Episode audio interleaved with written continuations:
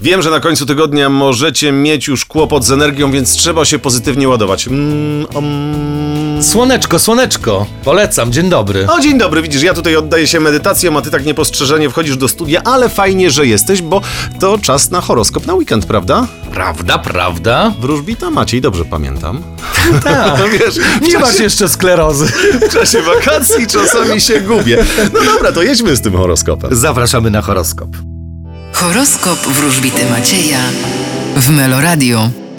Baran, Będziecie rządzić i dominować. byk, Zatrzymajcie się na chwilkę i spójrzcie na swoje życie z trochę innej perspektywy. bliźnięta, Dokonacie istotnego wyboru. rak, Czekają Was ważne informacje, które odmienią Wasze życie. lew, Kierujcie się intuicją i swoim głosem wewnętrznym. panna, Będziecie wracać do przeszłości. waga, Zaufajcie losowi. Los nie chce dla Was źle.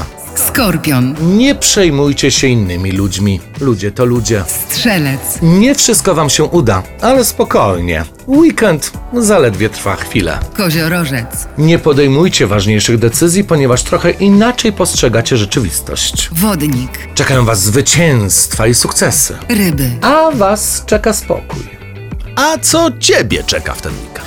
E, Niech spojrzę w karty Tarota. e, mam nie podejmować ważnych decyzji. Czyli y, zostajesz w domu. Czyli śpiączka taka dwudniowa.